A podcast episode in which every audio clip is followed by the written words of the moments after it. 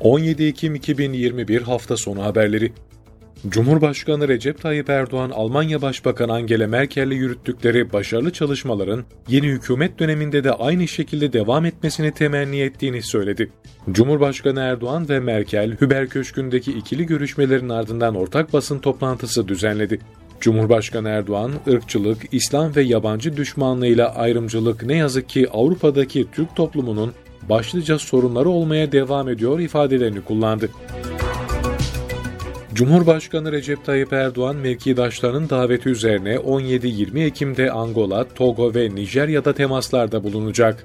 Cumhurbaşkanlığı İletişim Başkanlığı'ndan yapılan açıklamaya göre Erdoğan'ın Togo ve Angola'yı ziyaretinin Türkiye'den bu ülkelere Cumhurbaşkanı düzeyinde yapılan ilk resmi ziyaret olduğu belirtildi.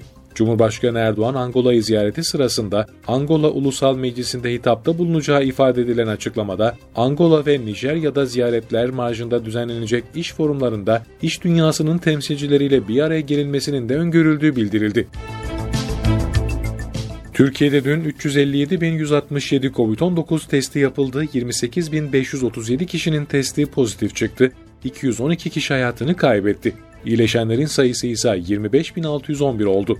Sağlık Bakanı Fahrettin Koca sosyal medya hesabından yaptığı paylaşımda yeni vakalar içinde gençlerin oranı artış gösteriyor. Umulanın aksine üniversite öğrencilerimiz arasında aşılanma oranı düşük. Sağlıklı bir eğitim ortamı için gençlerimiz aşılarını aksatmadan yaptırmalı. Toplum bütün gençlerin aşı olarak mücadeleye katılmalarını bekliyor ifadelerini kullandı. Sağlık Bakanı Fahrettin Koca, gribal enfeksiyonlara karşı da tedbirli olunmasını istedi. Bakan Koca sosyal medya hesabından yaptığı paylaşımda belirtileri COVID-19'a benzeyen bu enfeksiyonlarda mevsim şartları, maske ve mesafe tedbirlerindeki ihmaller sebebiyle ciddi artış var. Her iki riske karşı lütfen tedbirlere uymaya çalışın ifadelerini kullandı. Eren operasyonları kapsamında Şırnak'ta etkisiz hale getirilen iki teröristten birinin gri kategoride yer alan ve örgüt tarafından özel eğitilmiş Fırat Gizlenç olduğu belirlendi. İçişleri Bakanlığı Eren operasyonları kapsamında etkisiz hale getirilen teröristlerle ilgili bilgi paylaştı. Terörist Murat Karayılan'ın talimatıyla yurt dışındaki teröristlerin yurt içine geçişini sağladığı, Şırnak, Siirt, Mardin, Batman ve Diyarbakır'da gerçekleşen birçok bombalı eylemin sorumlusu olduğu tespit edildi. İçişleri Bakanlığı koordinesinde Jandarma Genel Komutanlığı ve Emniyet Genel Müdürlüğü'nce yürütülen ikna çalışmaları neticesinde PKK terör örgütünden kaçan 4 terör örgütü mensubu daha güvenlik güçlerine teslim oldu.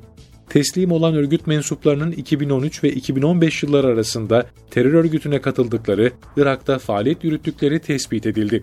Sürdürülen ikna çalışmaları sonucunda 2021 yılında teslim olan örgüt mensubu sayısı 166'ya yükseldi.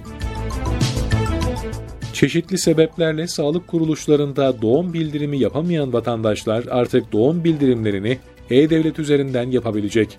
İçişleri Bakanlığı'ndan yapılan açıklamaya göre milyonlarca vatandaşın hayatını kolaylaştıran kamu hizmetlerinin vatandaşa en kolay ve etkin yoldan kaliteli, hızlı, kesintisiz ve güvenli bir şekilde sunulmasını sağlayan e-Devlet uygulamasına İçişleri Bakanlığı Nüfus ve Vatandaşlık İşleri Genel Müdürlüğü tarafından doğum bildirimi başvurusu hizmete eklendi.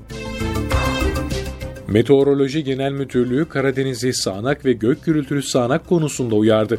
Yağışların Düzce, Zonguldak, Bartın ve Kastamonu çevrelerinde bu sabah saatlerinden itibaren pazartesi sabah saatlerine kadar yerel kuvvetli olacağı tahmin ediliyor. Kuvvetli yağışların Sinop'ta pazartesi sabah, Ordu ve Giresun'da pazartesi öğlen, Samsun'da pazartesi akşam saatlerinde, Trabzon, Rize ve Artvin çevrelerinde ise 19 Ekim Salı akşam saatlerine kadar etkisini kaybetmesi bekleniyor.